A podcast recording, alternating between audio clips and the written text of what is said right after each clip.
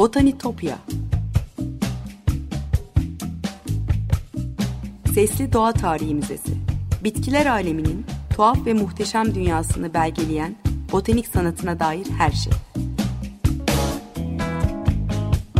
Hazırlayan ve sunan Benan Kapucu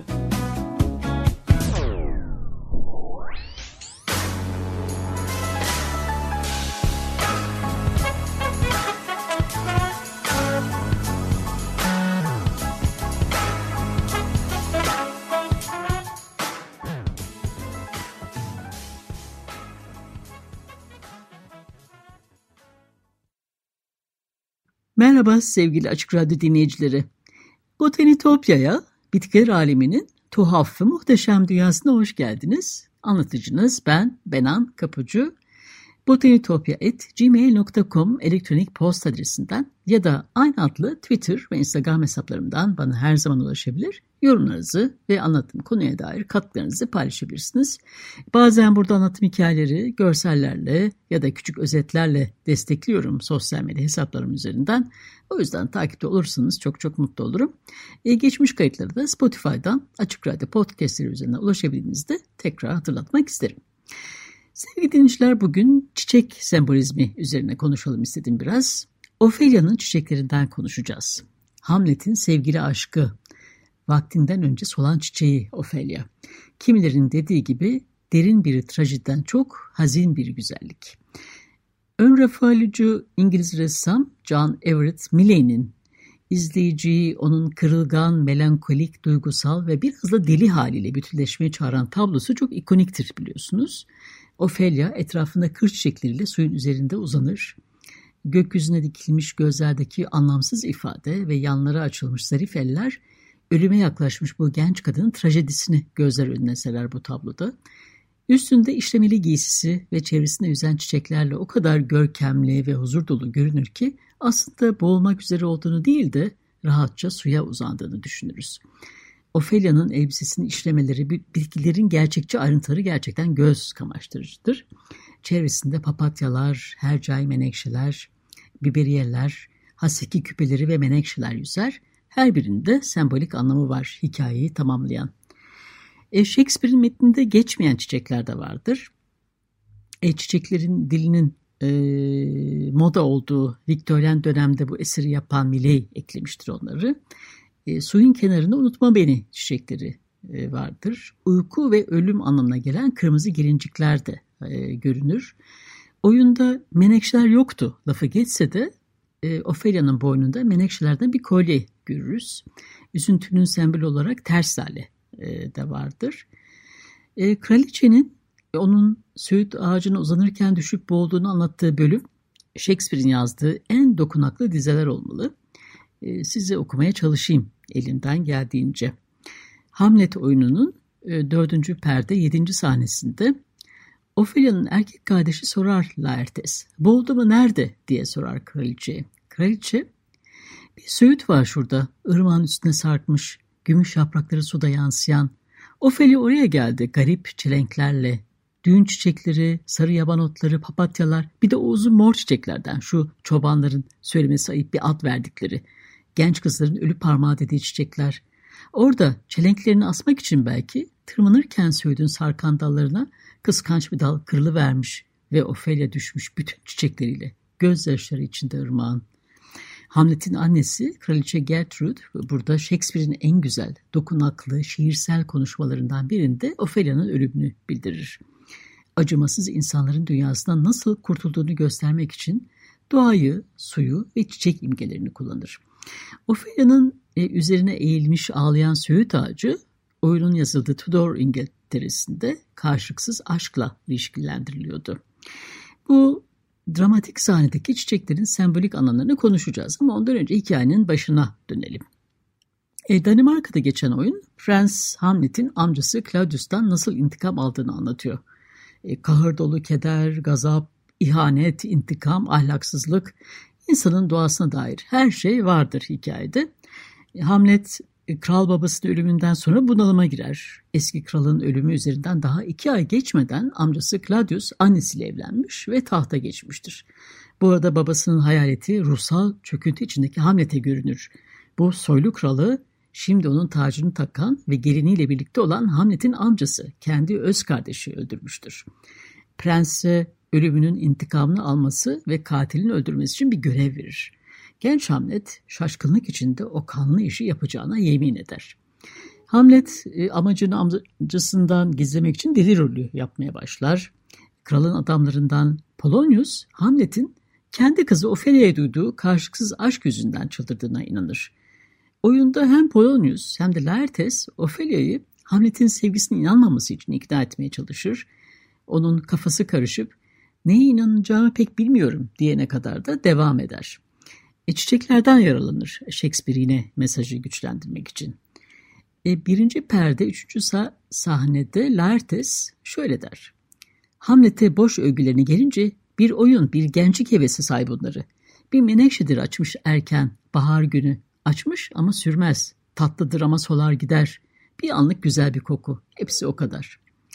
Polonius da şöyle der, Laertes'i desteklerken. En büyük yeminlerle söyledi söylediklerini, dediğini elbette bu ökseyle avladır kuş beyinler. Kanı kaynadığı yaşta insanın. E, bu arada Hamlet babasının intikam için hala harekete geçmemiştir. Zaman zaman hayaletin sözlerine şüpheye kapılır. Bir gezici tiyatro kumpanyası oyuncularından e, Kral Claudius'un huzurunda babasının ölümünü oynamasını, oynamalarını ister.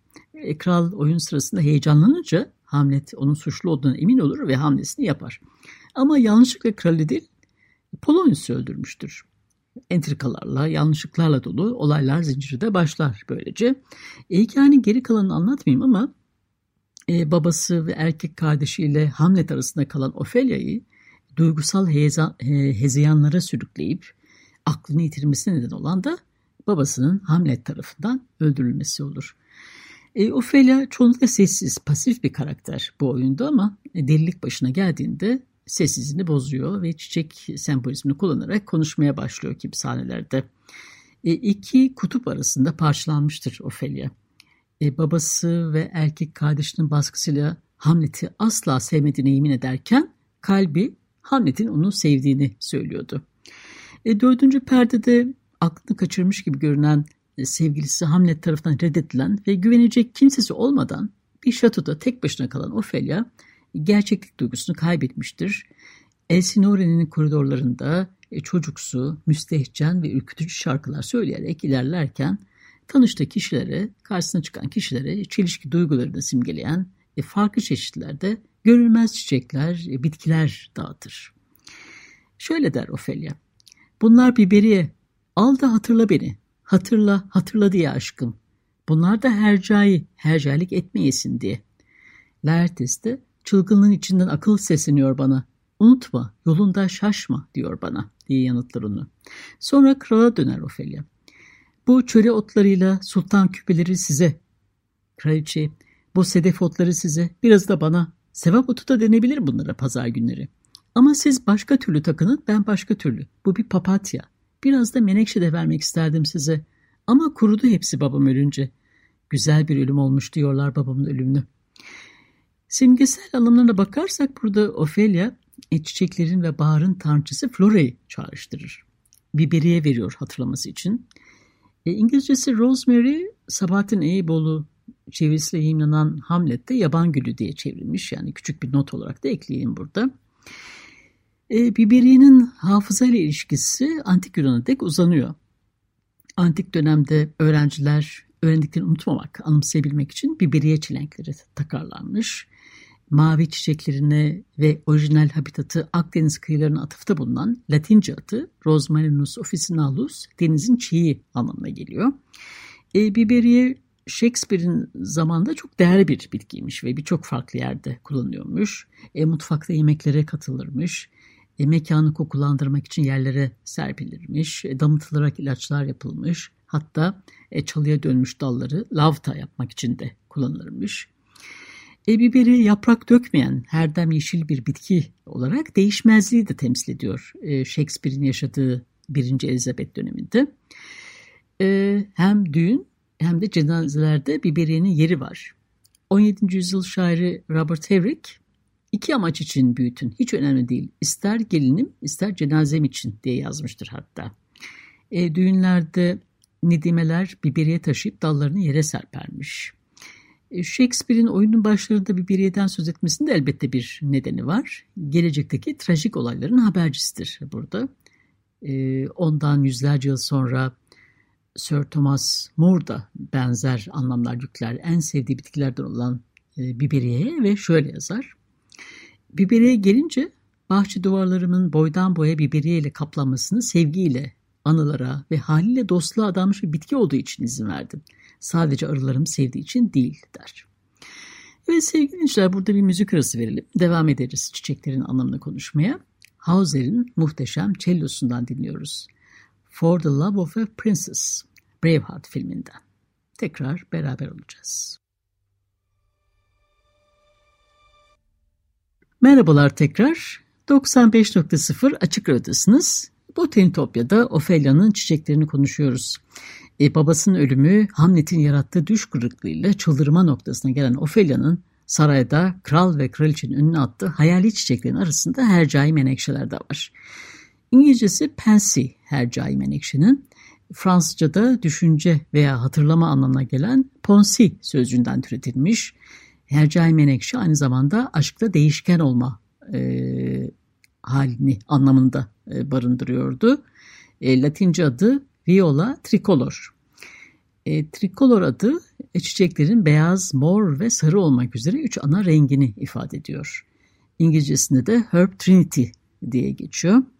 Ercai menekşe orta çağda aşk iksirlerine katılan bitkilerden biriymiş. Yani İngilizce adlarından biri olan Love in Indolence adı da boşuna aşk anlamına geliyor. E, kalp şeklindeki yapraklarının kırık bir kalbi iyileştirmeye yardımcı olabileceği düşünüyormuş. E, bu yüzden e, kalp hastalığı anlamında heart's ease de deniyor İngilizce'de. E, evet Ophelia'nın yere saçtığı bir başka bitki de çöre otu yani rezene. Rezenelerin çiçekleri çok çabuk soluyor. Hızlı ölümün sembolü olarak anılıyor burada.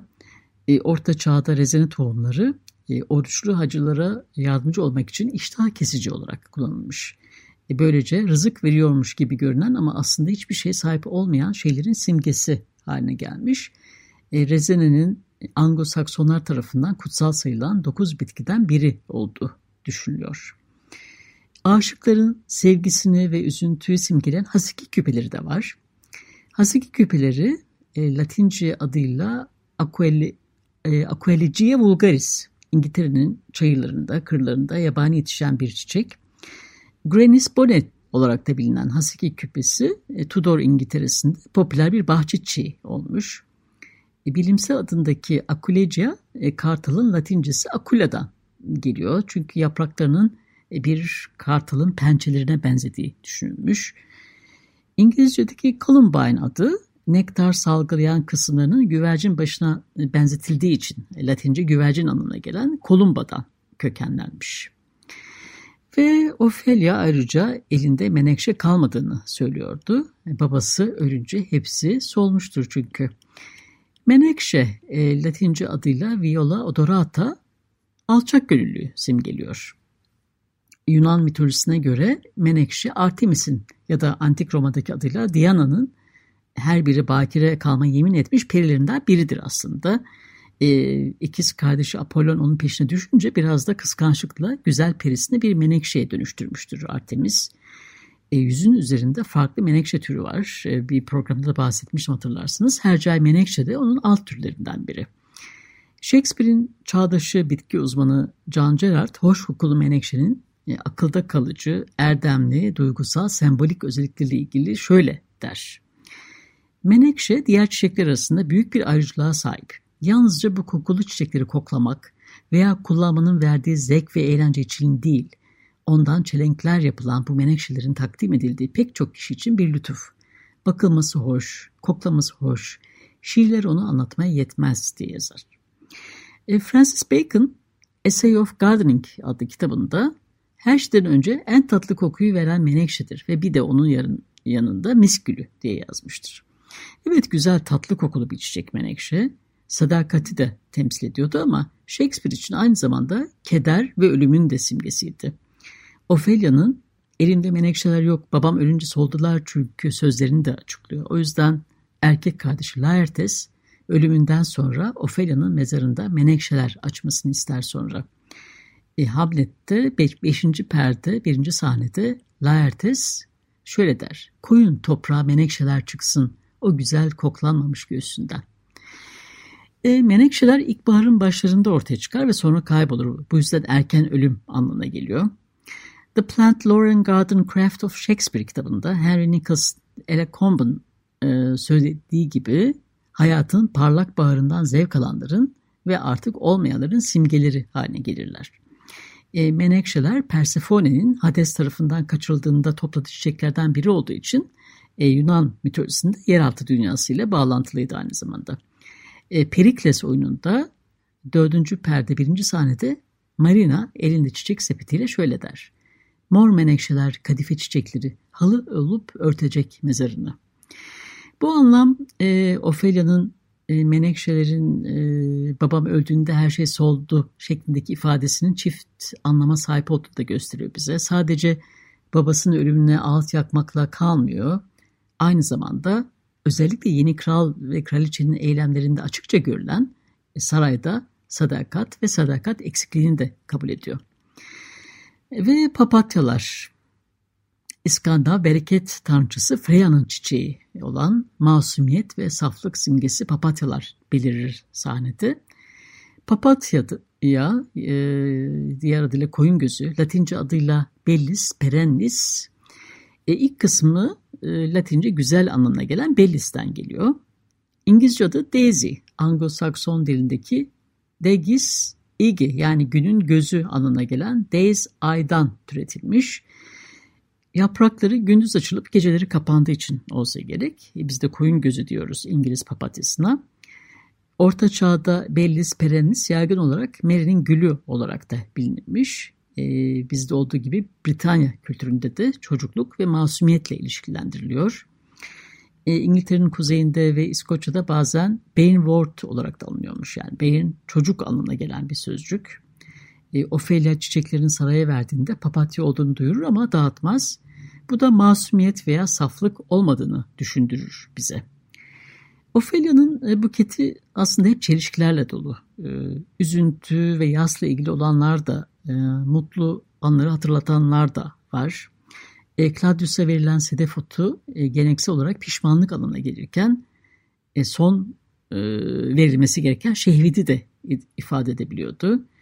Papatya ise mutsuz aşkı temsil ediyordu. Masum görünen çiçekler şehvetle beslenen entrikaları da anlatır bu hikayede cinsel ya da romantik aşkın alameti olarak verilen çiçeklerin yanında saflığı ve iffeti ifade eden çiçekler de alınır. E, burada sembolik bir cenaze töreni e, yaşanır aslında. Ophelia'nın dağıttığı bitkiler kısa süre sonra ölecek olan e, kral, kraliçe, Laertes ve kendisi için hazırlanmış cenaze çiçekleridir. E, sedef otu da sayılır e, Ophelia'nın çiçekleri arasında. Ophelia'nın şarkılar mırıldanırken dağıttığı o görülmez çiçekler arasında. Sedef otu e, güçlü aromatik kokusu ve acı tadı olan bir bitki. E, Latince adı, e, adı Ruta graviolens. Yani ilk kısmı Yunanca reo'dan geliyor ve özgür bırakmak anlamına geliyor. Antik çağda zehir ve hastalık için bir panzeri olduğu düşünülmüş bu bitki. Birinci Elizabeth İngiltere'sinde insanlar veba ve büyücülüğe karşı korunmak amacıyla bu bitki üzerlerinde taşırmış. E, böcekleri kovmak için e, kullanılmış. E, acı tadı nedeniyle bitki antik dönemden beri üzüntü, pişmanlık ve tövbenin simgesi olmuş. Bu yüzden İngilizce'de you will rue the day ifadesi buna üzüle, üzüleceksin anlamına geliyor. E, Ophelia onu Hamlet'te e, kraliçe Gertrude'a uzatırken aslında onun sadakatsizliğini de yüzüne çarpıyordu. E, bir Bitkinin bir başka adı da ilk e, Katolik kilisesinde kutsal su serpmek ve günahları yıkamak için kullanıldığı için Herb of Grace veya Herb Grace of Sundays olarak da anılıyor. E, bu sembolizmi 2. Richard oyununda e, da görüyoruz. E, Özlem'in Nutku çevirisiyle yayınlanan kitaptan e, aktarayım size. Üçüncü perde, dördüncü sahnede bahçıvan kraliçeye şöyle der. Şuraya kraliçenin gözyaşları döküldü. Ben de acı sedef otu dikeceğim oraya. Kısa bir süre sonra da merhametin simgesi sedef otu yetişecek burada. ağlayan bir kraliçenin anısına. E, oyunun ilerleyen bölümlerinde boğularak intihar ettikten sonra Ophelia'nın garip çelenklerle suda yüzdüğü o sahneye geliyoruz. Programın başında kraliçenin dizeleriyle aktardığım Mile'nin tablosuna da ilham veren o sahne. Suya eğilmiş, gümüş yaprakları suya yansıyan söğütler, düğün çiçekleri, sarı yaban otları, papatyalar ve bir de uzun mor çiçeklerden bahseder Kraliçe Gertrude. Ophelia'nın garip çilengindeki Crow's Flowers yani karga çiçekleri ya da uzun morlar hangi bitkilerde acaba? E, kimi yazarlar Shakespeare'in düğün çiçeğigillerden su düğün çiçeği yani Ranunculus aquatilis e, düşünerek yazdığını, e, kimileri de bunun pembe bir kır çiçeği olan Ragged Robin, Lynch's Floss Kukuli olduğunu söylüyor. Uzun mor çiçeklerin ise Britanya'nın ormanlarında, çayırlarında bolca yetişen kır çiçeği, Türk salibi yani Latince adıyla Orchis mascula olduğu düşünülüyor. E, uzun gövdeleri ve mor çiçekleri nedeniyle e, kraliçenin dizilerinde geçtiği gibi ölü adamın parmaklarına benzetilmiş. Ophelia'nın ölümünün ürkütücü görüntüsüne o dramatik sahnede katkıda bulunuyorlar elbette. Evet sevgili dinleyiciler Ophelia'nın çiçeklerinin hikayesi de böyle. Botanitopya'daki keşif yolculuğumuz bu hafta da buraya kadar. E, sosyal medya hesaplarında tekrar hatırlatayım size. Botanitopya adlı Twitter ve Instagram hesaplarından takipte olun lütfen. E, program destekçilerime gönülden teşekkürlerimi iletiyorum buradan. Haftaya tekrar görüşünceye dek sevgiyle ve duayla kalın.